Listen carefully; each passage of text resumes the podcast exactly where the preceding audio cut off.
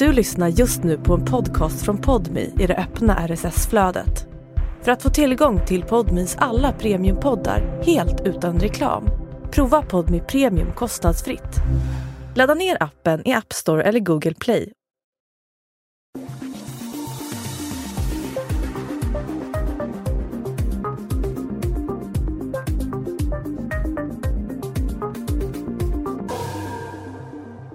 Alkohol hade länge haft en alldeles för stor plats i Mikkos liv.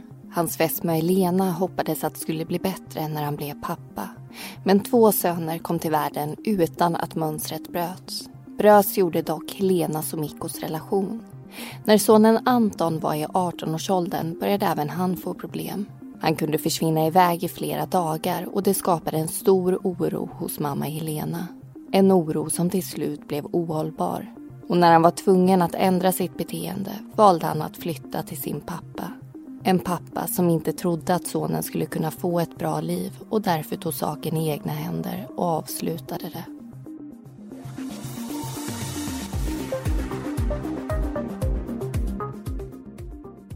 Du lyssnar på Mordpodden, en podcast om den mörka verkligheten. I veckans avsnitt ska du få höra om en familjs kamp.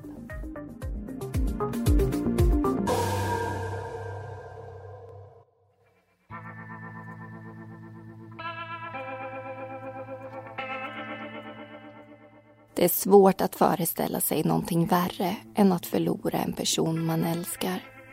Att aldrig mer få möjlighet att hålla om, höra personens röst eller möta dennes blick. Och det är lätt att ångra kramar som aldrig blev av, ord som aldrig blev sagda och bråk som i efterhand var helt meningslösa. För Johan handlade det inte bara om att acceptera att han hade förlorat sin bror och sina hundar. Även om det i sig såklart är svårt nog.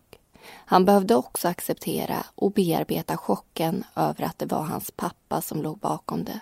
Att hata någon man älskar och älska någon man hatar är ett svårt pussel att få ihop och någonting som Johan tvingats jobba mycket med. Även om det bara var en person som dog den där kalla vinterdagen 2015 förlorade Johan två. Sin bror och sin pappa. Den ena offer och den andra gärningsperson.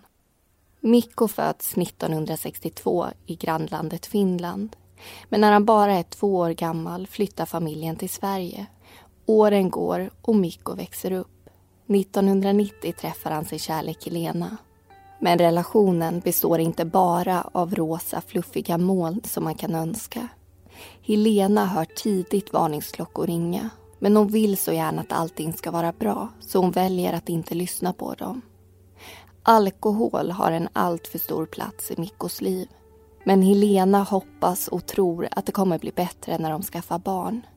Det om något är ju en anledning att sluta dricka. 1993 föds sonen Anton och tre år senare kommer också lillebror Johan till världen. Nu har paret sina två barn och sitt hus det ultimata familjelivet på papper. Men verkligheten blir långt ifrån vad Helena önskat. Alkoholproblemen fortsätter för Mikko och småbarnsåren blir minst sagt tuffa för Helena som tvingas dra det största lasset själv. När Mikko är nykter är han en fantastisk pappa. Men när han dricker är han inte närvarande överhuvudtaget. Helena går många och långa barnvagnspromenader med tårarna rinnande längs sina kinder. Och det skulle tyvärr bara bli värre. Mikkos alkoholkonsumtion trappas upp och Helena känner att det hela börjar bli ohållbart. Hon har sedan en tid tillbaka stått i bostadskö så medvetet eller omedvetet har det nog funnits en tanke om att lämna relationen förr eller senare. Och i maj 2001 kommer den avgörande faktorn. Mikko säger att han ska ut på sin årliga fiskeresa vilket Helena snabbt översätter i sitt huvud till suparesa. Hon ställer ett ultimatum. Om Mikko kommer hem onykter från resan har hon fått nog. Och det gör han. Helena håller sitt ord och tar av sig förlovningsringen. Det blir en tuff sommar. Hon lyckas inte få tag i någon bostad utan bor tillfälligt hos sin svägerska tillsammans med sina söner. Till hösten ordnar det dock upp sig och så småningom träffar Helena också en ny man och får uppleva den relationen hon alltid önskat sig. Och även om de här åren på många sätt är svåra för hela familjen så finns det många fina minnen att se tillbaka på. Som barn är Anton försiktig och ordentlig. Vad som är rätt och fel är väldigt viktigt för honom. Han tittar både åt höger och vänster innan han går över gatan och skvallrar på sin lillebror om han cyklar över vägen istället för att leda cykeln som han ju borde. Men i den lite oroliga pojken finns också en fantastisk humor och ett bubblande skratt som alltid kommer vara levande och närvarande i hans nära och käras minnen. Basket ligger honom varmt om hjärtat. På basketplanen skapar han och lillebrodern Johan många fina barndomsminnen tillsammans. De brukar gå iväg till en skola en liten bit från deras hem och lira. Johan får nästan alltid stryk. Anton är inte bara äldre utan mycket längre så han dunkar i bollen i korgen utan några problem. Ibland får han sällskap av Antons kompis och hans lillebror. Det blir då en vänskaplig men tuff fight syskonen emellan. Fram till 2008 har Helena och Mikko delad vårdnad om barnen och varje sommar följer sönerna med pappan två veckor till Finland. De veckorna brukar Mikko för det mesta hålla sig nykter även om det finns undantag. Och Johan och Anton njuter av tillvaron. När båten tagit dem över till grannlandet väntar alltid en lång bilresa. Mikko kör och musik dånar från stereon. Låtarna som spelas ska Johan alltid förknippa med deras Finlandsresor. Mikkos föräldrar äger en liten stuga precis intill en sjö. Så där brukar de bo under sina besök. Det finns bastu och bröderna får bada precis så mycket de orkar. De fiskar, övningskör och skjuter luftgevär. Men det blir också en hel del bråk mellan Johan och Anton. Deras diagnoser har en viss skuld i det hela. Johan har ADHD och Anton ADD. Och sen hör det ju liksom till en syskonrelation att bråka ibland. Men vissa gånger går det för långt. Vid ett tillfälle blir Johan så arg att han kastar iväg en högaffel som går rakt igenom Antons fot. Men för det mesta älskar de resorna till Finland. Bröderna tävlar om nästan allt. Vem som fångar störst fisk och vem som klarar av att sitta längst i den ångande bastun. Johan är en tävlingsmänniska ut i fingerspetsarna medan Anton egentligen saknar den där tävlingsinstinkten. Men han vill ändå väldigt gärna vara bättre än sin lillebror så båda två går in hårt för tävlingarna. Tiden går som bekant fort när man har roligt och precis som med allt annat tar semesterveckorna i Finland slut och i Sverige väntar i vardagen. Ovissheten om Mikko skulle hålla sig nykter eller återgå till alkoholen är återigen närvarande. Både Johan och Anton får en väldigt negativ syn på alkohol de har ju sett vad det kan göra med en person. Om Helena eller styvpappan häller upp ett glas vin på kvällen går Johan in på sitt rum och stänger dörren för att markera sitt missnöje. Anton reagerar liknande. Om det dyker upp alkohol på middagar eller släktträffar blir han rädd och orolig. Så Elena tar beslutet att aldrig ta fram alkohol när barnen är med. Därför blir det en ganska stor chock när Anton själv börjar dricka alkohol.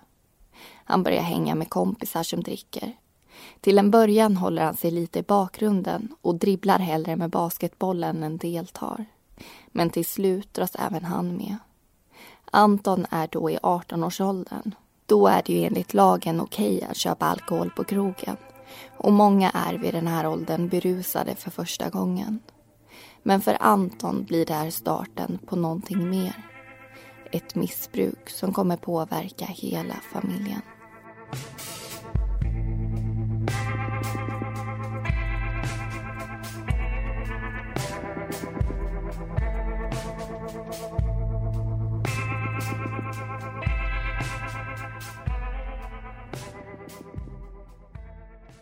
Och där hörde vi alltså första delen utav En familjs kamp.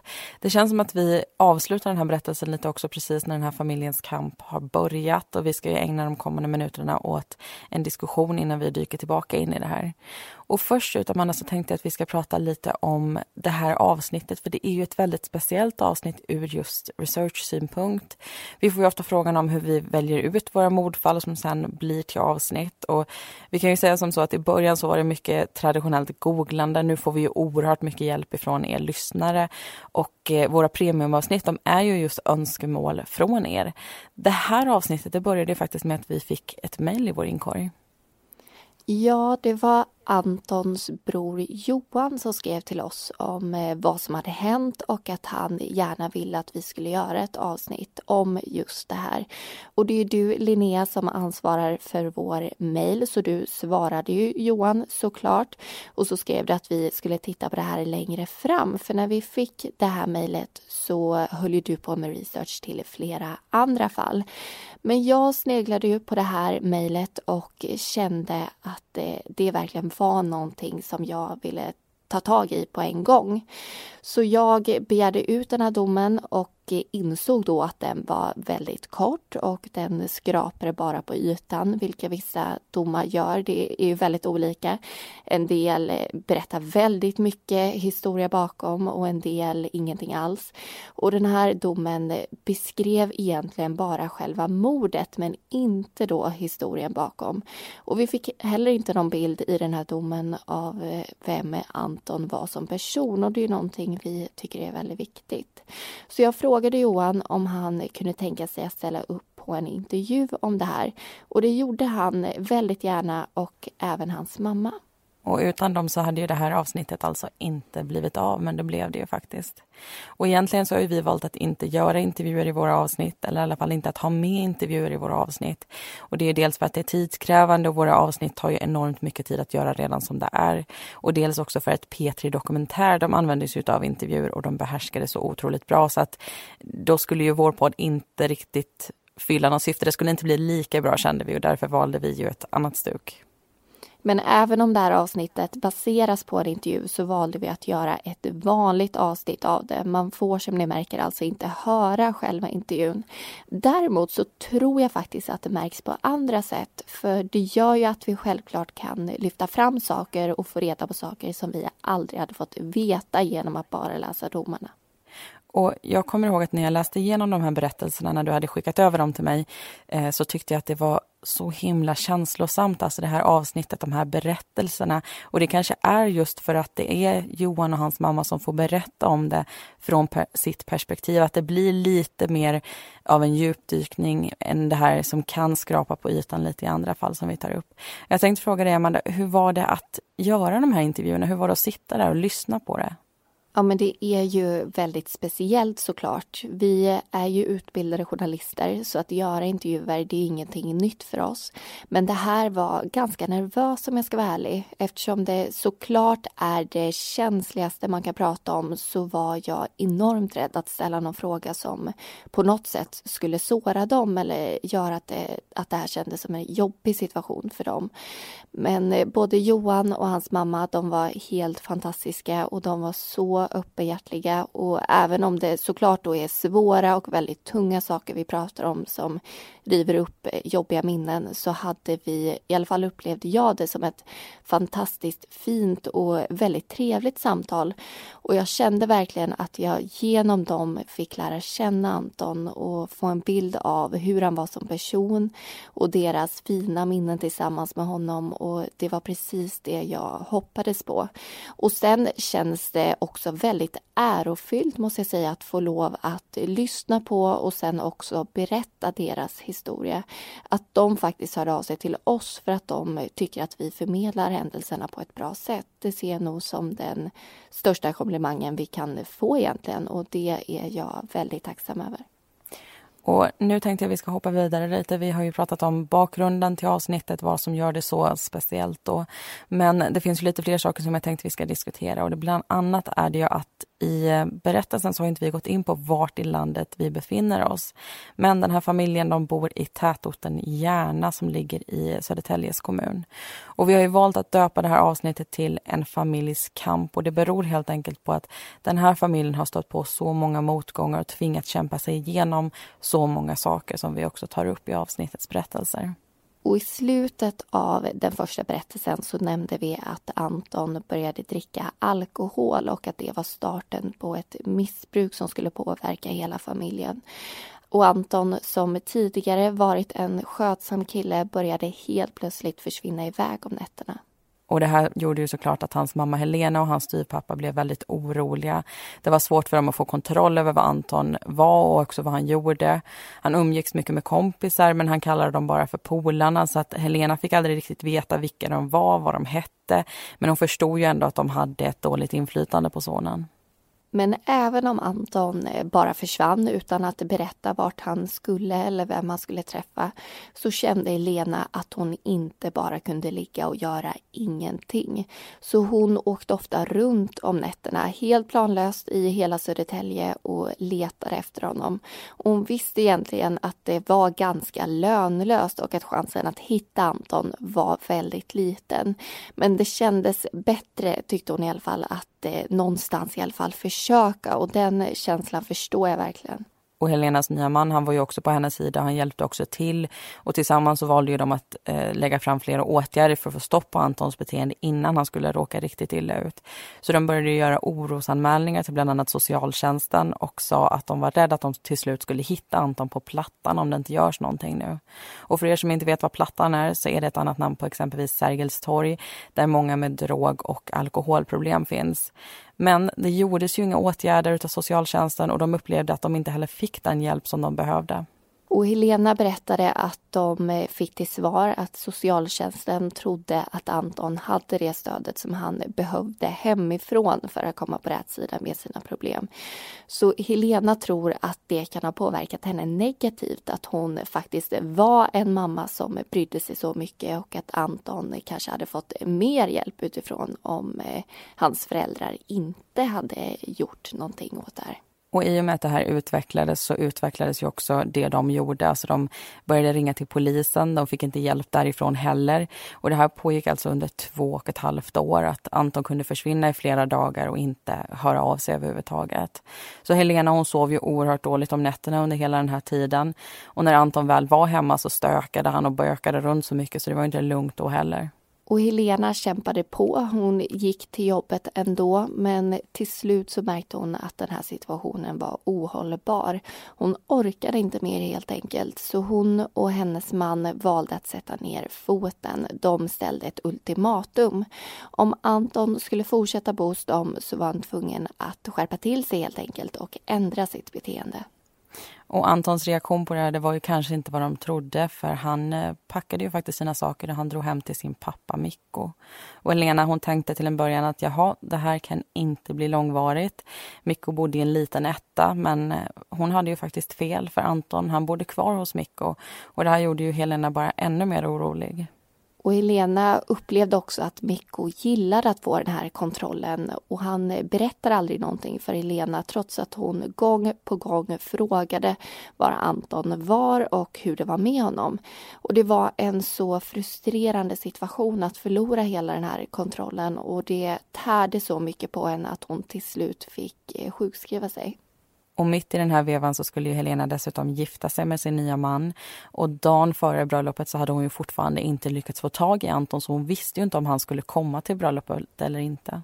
Och det var egentligen inte förrän under själva bröllopet som Helena kunde andas ut. Hon såg då till sin glädje att båda barnen var där.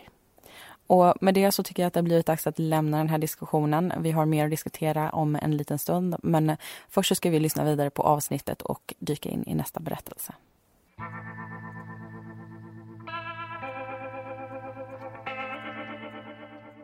Under hösten 2013 händer någonting med Mikko. Människor i hans närhet märker en stor personlighetsförändring. Mikko hade alltid varit välkommen hem till Helena för att hälsa på sina barn. Men besöken ändrar plötsligt helt karaktär. När han kommer dit uppfattar Helena och hennes nya man honom som berusad. Han uppträder och beter sig som om han är kraftigt påverkad. Samtidigt som bristen på alkoholdoft skvallrar om att så inte är fallet. De får helt enkelt inte ihop det. Mikko drabbas av någon form av köpmani och börjar spendera pengar helt hysteriskt. Under tiden som Mikko och Helena var ett par hade han aldrig uttryckt en önskan om att skaffa hund. Men nu från ingenstans köper han två. Detta till Antons och framförallt Johans stora glädje. Mikko tittar också på hus och köper både bil och båt. Han har alla möjliga förklaringar till varför han köper så dyra saker. Men Helena upplever ingen som speciellt trovärdig. En dag kommer Mikko och lämnar av hundarna hemma hos Helena trots att hon förklarar att hennes man är allergisk och de inte kan vara där. Men det struntar Mikko i och Helena har inget annat val än att ta hand om djuren tills han hämtar dem igen. Helena tycker att hans nya beteende och personlighetsförändring är skrämmande. En morgon sitter hon och dricker sitt morgonkaffe i lugn och ro när Mikko helt plötsligt stormar in och sliter åt sig tidningen som hon precis ska börja läsa. Han letar upp annonser och river ut dem samtidigt som han poängterar vilka bra och billiga erbjudanden det är. Helena vågar inte säga emot utan sitter bara med kaffekoppen i sin hand och låter honom hållas. Ibland kommer Mikko förbi och ringer på tidigt på lördags och söndagsmorgnarna när familjen ligger inne och sover. När ingen öppnar börjar han gorma i brevinkastet. Helena tycker hela situationen är obehaglig. Vissa morgnar när hon drar upp persiennerna står Mikko precis utanför fönstret. Han säger ingenting, bara står där. Och ibland kliver han bara rakt in och gör kaffe till sig själv, som om han bor där. Helena ser varningstecken efter varningstecken. Men det gör inte Johan. Mikko är ju hans pappa och han älskar honom. Dessutom älskar han de nya skällande och mjuka familjemedlemmarna. Så han tillbringar mer och mer tid hos Mikko för att umgås med hundarna. Bröderna och pappan är en hel del ute på sjön i den nya båten och brukar ibland åka och äta pizza på den lokala pizzerian. Däremot skadas Mikkos och Johans relation gång på gång när löften bryts. Mikko lovar flera gånger att han har slutat dricka och han håller sig mycket riktigt nykter när Johan är där. Men när sonen dyker upp oanmäld träffar han ofta sin pappa kraftigt berusad och han förstår att nykterheten bara är en fasad. Johan är tydlig med att uttrycka sin avsky över sveket. Men precis som alltid lägger sig hatet efter en stund och kärleken till hans pappa kommer tillbaka. Tills ett nytt löfte bryts. Då börjar hela karusellen om igen. Mikko har en förmåga att få människor att tro att det han säger är sant. Och speciellt Johan, som såklart så gärna vill att det ska vara det. Flera gånger lovar pappan att de ska ut med hundarna, vilket han vet är något som sonen älskar. Men så sitter Johan där och väntar utan att pappan dyker upp. De åker och tittar på ett hus som är till salu, som Mikko påstår att han ska köpa. Medan de går runt på tomten och tittar målar Mikko upp en drömbild av hur det kommer vara att bo där. Han pekar på bryggan och säger att de ska sitta och fiska där tillsammans och visar den grönskande omgivningen som är perfekt för hundarna. Johan lockas genast in i hans fantasier men tvingas återigen bli besviken när det inte blir något köp. Våren 2014 flyttar Mikko ut till sin brors torp.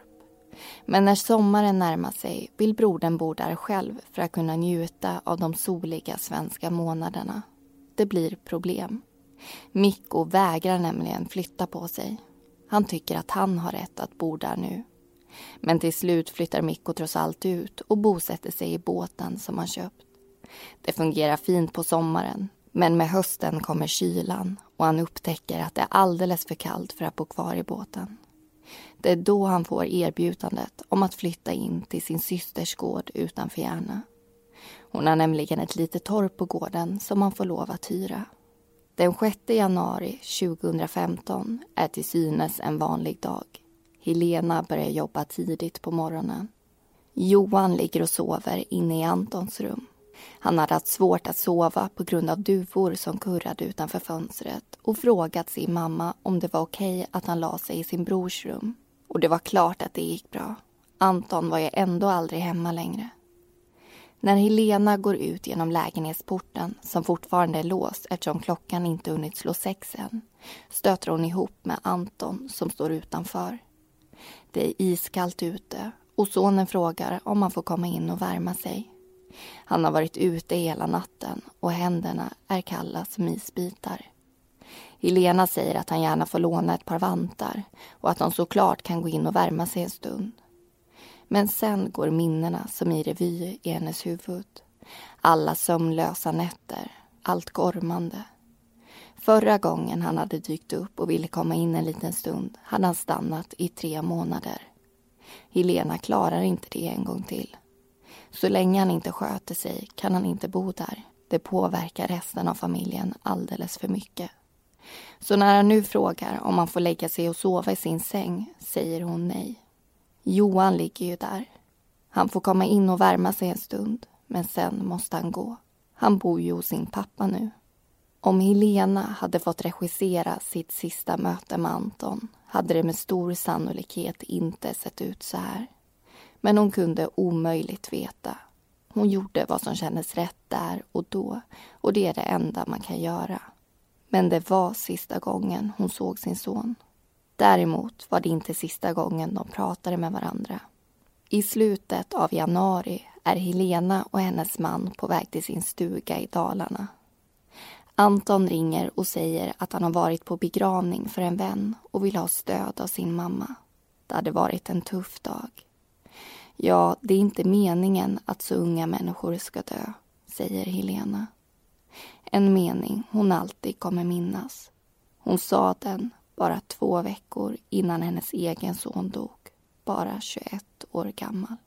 Men under samtalets gång kommer de in på andra saker. Anton frågar om Helena kan hjälpa honom att kolla busstider till Järna, vilket hon självklart gör och senare skickar över via sms. De fortsätter sms-kontakten och pratar bland annat om en mikrofon som Anton så gärna vill ha.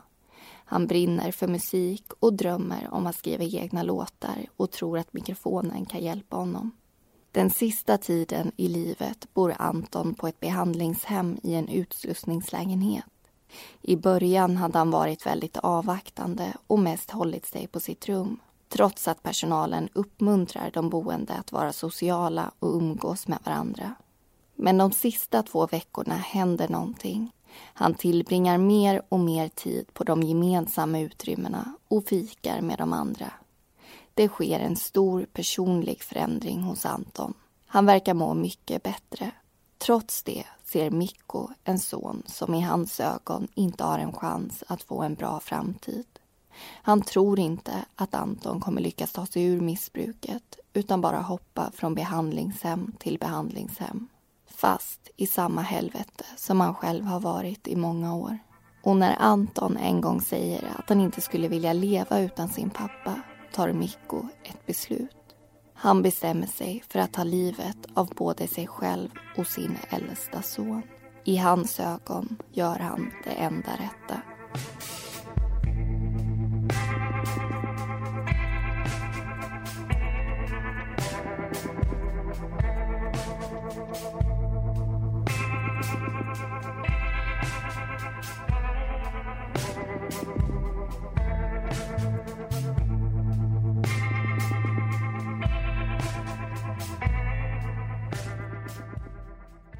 Ja, då vill vi välkomna er in i den andra diskussionen till det här avsnittet.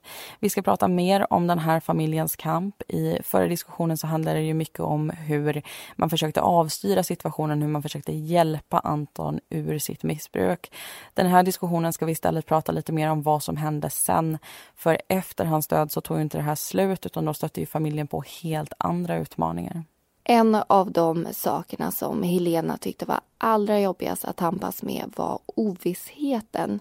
Hon fick ju veta att hennes son var död, att han blivit mördad, men inte hur. Och det tog hela fem veckor innan de fick eh, begrava Anton på grund av alla undersökningar som skulle göras först. Och då visste de fortfarande inte riktigt vad som hade hänt. Men eh, det var en väldigt fin begravning och Helena läste upp en eh, dikt till Anton i kyrkan så själva ceremonin är någonting som de kan se tillbaka på och eh, glädjas åt även om det såklart också är fruktansvärt jobbigt.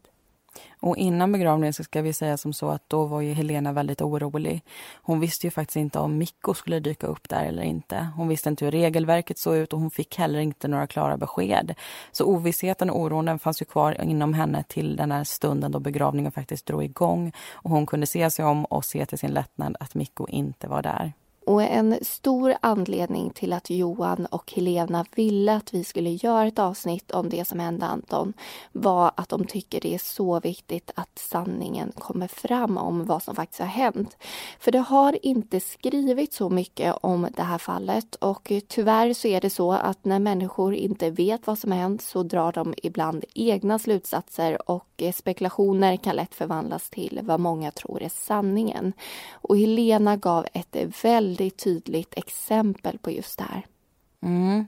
Några veckor efter mordet så var ju hon och besökte sin eh, gamla arbetsplats där hon hade jobbat under många år. Hon var där och fikade och pratade i kapp med sina före detta kollegor. Och eh, de frågade hur det var med henne. Hon svarade och hon tyckte att det var väldigt jobbigt att inte veta vad exakt det var som hade hänt. Och då var det en av personerna som var där som sa Vadå, det vet väl alla? Vad konstigt att du inte vet.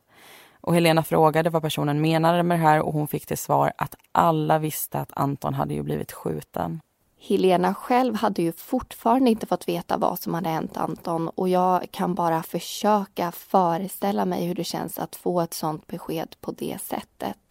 Så hon ringde direkt sin kontaktperson hos polisen och sa att nu måste de faktiskt berätta vad som hade hänt eftersom andra personer verkar veta men inte familjen själva. Så dagen efter så kom polisen hem till dem och berättade det de visste. Och någon skjutning hade det inte varit frågan om överhuvudtaget. Så personen som Helena pratat med hade alltså fått fel information. Förmodligen hade någon startat ett rykte och helt plötsligt trodde alla att det var sant. Och jag tycker det är väldigt viktigt att prata om det här för det är ett väldigt tydligt och tragiskt exempel på hur illa det faktiskt kan gå när felaktig information sprider sig.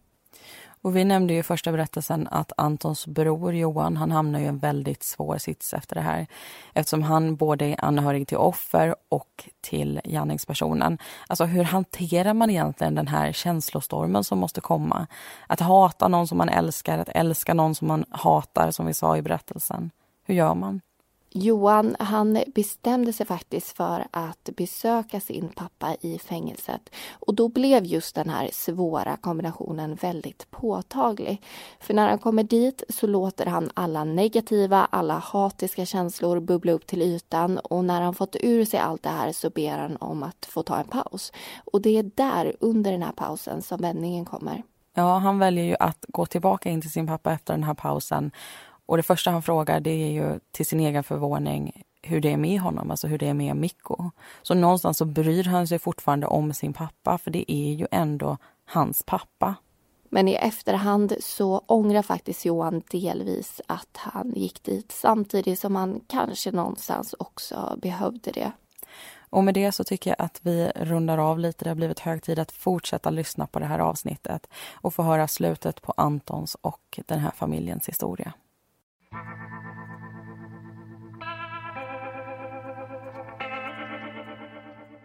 Kvällen den 11 februari 2015 befinner sig både Mikko, hans syster och Anton på gården utanför Järna. De bastar tillsammans och dricker en kopp kaffe innan läggdags. Stämningen är trevlig och lättsam trots att Mikko i hemlighet tänker att det är hans sista dag i livet. Imorgon ska han ta sitt liv. På morgonen den 12 februari tar han planen ett steg längre. Han tror inte att Anton kommer vilja leva utan honom och bestämmer sig för att det enda rätta är att ta livet av honom först.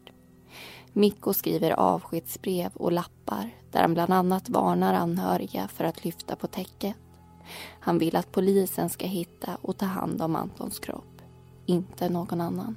Sen går han runt, runt i det lilla torpet. Han kan först inte förmå sig att göra det men efter vad han själv säger är en timme går han fram till sonen som ovetandes ligger och sover i sin säng. Mikko avslutar Antons liv med en hammare. Han lägger sedan en filt över honom. Sen slår det honom att någon av hans nära och kära kommer tvingas ta hand om hundarna när också han själv är borta. Och han vill inte att djuren ska bli en belastning för någon. Så han stoppar sömnmedel i små korvbitar som han ger till husdjuren innan han dödar dem. Även den här gången med en hammare. Nu är det bara en del av planen kvar. Att ta livet av sig själv. Men Mikko blir avbruten av sin syster som står utanför dörren till torpet. Han ropar att hon inte ska komma in och att Anton är död. Hon ringer 112. Mikkos andra syster kommer också dit och kliver in. Hon får syn på Antons fötter i sängen. Han har täcket över sig så hon tror att han bara låtsas och försöker ruska liv i honom. Det är först då hon förstår att han verkligen är död. Hon säger till Mikko att de ju hade pratat om att allt skulle bli bra men att det skulle ta tid. Systern frågar sen var hundarna är. Mikko pekar på ett täcke på golvet. Han säger att allt är bra nu. Att Anton inte kommer behöva bo i ett tomt hus med en tom tallrik. Mikko berättar att han redan sagt farväl till sina föräldrar i Finland och att det här var den bästa lösningen. Polisen kommer så småningom dit och påbörjar hjärt och lungräddning. Mikko sitter i en fåtölj och säger det är ingen idé. Han är död sedan länge. För varje dödsbesked existerar ett avgörande ögonblick. Under just det där ögonblicket förändras allt. Sekunden innan är allting precis som vanligt. Sekunden efter rasar hela ens värld. Man kommer aldrig någonsin kunna spola tillbaka till tiden innan. Ögonblicket är förbi och livet för alltid förändrat. Man kommer ihåg vad man var, vad man gjorde, hur det luktade, vad man kände och vad man såg. Under just det där avgörande ögonblicket. Det är för alltid sparat i ens minne. Under vårt telefonsamtal delar både Helena och Johan med sig av ögonblicket när beskedet om Anton till slut nådde dem den där kalla februaridagen 2015. Helena och hennes man har nyligen flyttat till en ny lägenhet. De har länge väntat på att få sina köksluckor ommålade och idag är det sagt att de äntligen ska komma. Helena är därför extra glad den här dagen. Hon längtar förväntansfullt tills hon får åka hem från jobbet och förhoppningsvis få gå in i sitt nya och fina kök. Till slut slår klockan halv fem och hon hoppar in i bilen. Hon har inte märkt att hennes telefon både ringt och mottagit sms från en förtvivlad Johan. Med facit i hand var det nog tur att hon inte där och då fick veta att det hade hänt Anton något. Då hade hon förmodligen inte klarat av att köra hem. Johan är på sitt rum när två poliser ringer på dörren. Han släpper in dem och frågar vad som har hänt. De säger att det gäller Anton, men att de vill vänta på Helena innan de berättar mer. Johan blir irriterad på att de inte säger något till honom och låter dem vänta i hallen medan han går in på sitt rum och försöker få tag i sin mamma. När Helena kommer hem och parkerar utanför lägenheten ser hon sin man i köksfönstret men också två andra vuxna personer. Är de inte klara med luckorna än? Tänker Helena som tar för givet att de främmande personerna är från köksföretaget. Men när hon kommer in får hon veta att de är från polisen. Vi kan gå in och sätta oss, säger de. Poliserna berättar vidare att det har hänt Anton något.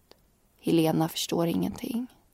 Minnena drar henne genast tillbaka till november förra året när Anton låg i koma efter en överdos och svävade mellan liv och död. Men han hade ju försökt bli drogfri nu och det verkade gå så bra för honom. Att det handlar om ett mord finns inte med som ett alternativ i Elenas huvud när tankarna far runt. Och när hon får veta att det förmodligen är Mikko som orsakat Antons död blockeras både känslor och tankar. Så kan det bara inte vara. Hur mycket poliserna än förklarar går det inte in. Hon försöker tänka logiskt och reda ut vad som kan ha hänt. Kanske hade de bråkat och en oturlig knuff lett till ett dödligt fall av misstag. Det måste vara en olyckshändelse. Sanningen som innebär att Mikko medvetet tagit livet av sin son går inte att ta till sig. Att acceptera. Johan är fortfarande kvar på sitt rum men har dörren lite på glänt så han hör vad som sägs. Han sliter till sig lite grejer som han får tag i i farten och springer ut från sitt rum och lämnar lägenheten. Han klarar inte av att höra mer. Johan sätter sig på tåget. I huvudet är det kaos. Han kan inte tro att det är sant. Trots att han innerst inne förstår att Mikko inte är kvar vid torpet vill han ta sig dit och se sin pappa med egna ögon. Han hoppar av tåget och börjar gå. Det är kallt och snön ligger tjock på marken. Det finns inga trottoarer på den lilla vägen utan han vandrar osynligt i bäckmörkret mitt på gatan. Det är alldeles för långt att gå egentligen, men det bryr sig inte Johan om. Han måste dit. Men polisen hittar honom innan han hinner fram och hjälper honom hem. På behandlingshemmet, där Anton tillbringade en stor del av sin sista tid, bodde mest äldre män. Men han hade lyckats göra ett starkt intryck hos dem så på alla hjärtans dag vill de hedra hans minne. De köper blommor och choklad för att hylla den unga killen vars liv tog slut alldeles för tidigt. Varje gång Helene åker förbi behandlingshemmet slår hennes hjärta ett par extra slag när hon tänker på deras omtanke. Johan har i efterhand pratat med personer som umgicks mycket med Anton efter att han flyttat till Mikko. De delar med sig av sin bild av honom. En bild som Johan delvis inte känner igen men som gör honom varm i själen. För honom hade Anton alltid varit den tuffa storebrodern som aldrig visade sig svag medan han själv varit den lite mer känslig av dem. Men Antons vänner lyfte fram sidor hos honom som han aldrig visat för Johan. Den tuffa och coola fasaden var inte hela sanningen utan bakom den gömde sig en öppen och känslig person. Så bröderna var mer lika varandra än vad Johan visste om. Trots att droger och alkohol fick sitt järngrepp om Anton fanns det lilla försiktiga barnet som skilde på rätt och fel med det där varma och bubblande skrattet alltid kvar.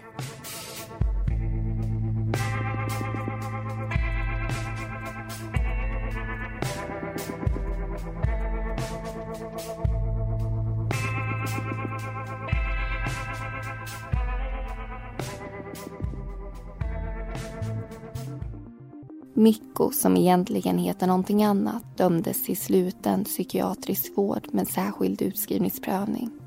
Och det var allting vi hade att berätta för den här gången. Informationen är hämtad från tingsrättens dom och avsnittet baseras även på intervjuer med Johan och Helena. Så självklart vill vi rikta ett extra stort tack till dem som delade med sig av sina upplevelser.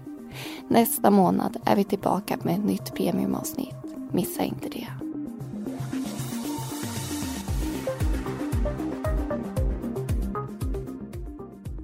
Du har lyssnat på Mordpodden. Vi som har producerat den heter Amanda Karlsson och Linnea Bolin. Bakgrundsmusiken var bland annat Soaring av Kevin MacLeod och Deep Space av Audionautics.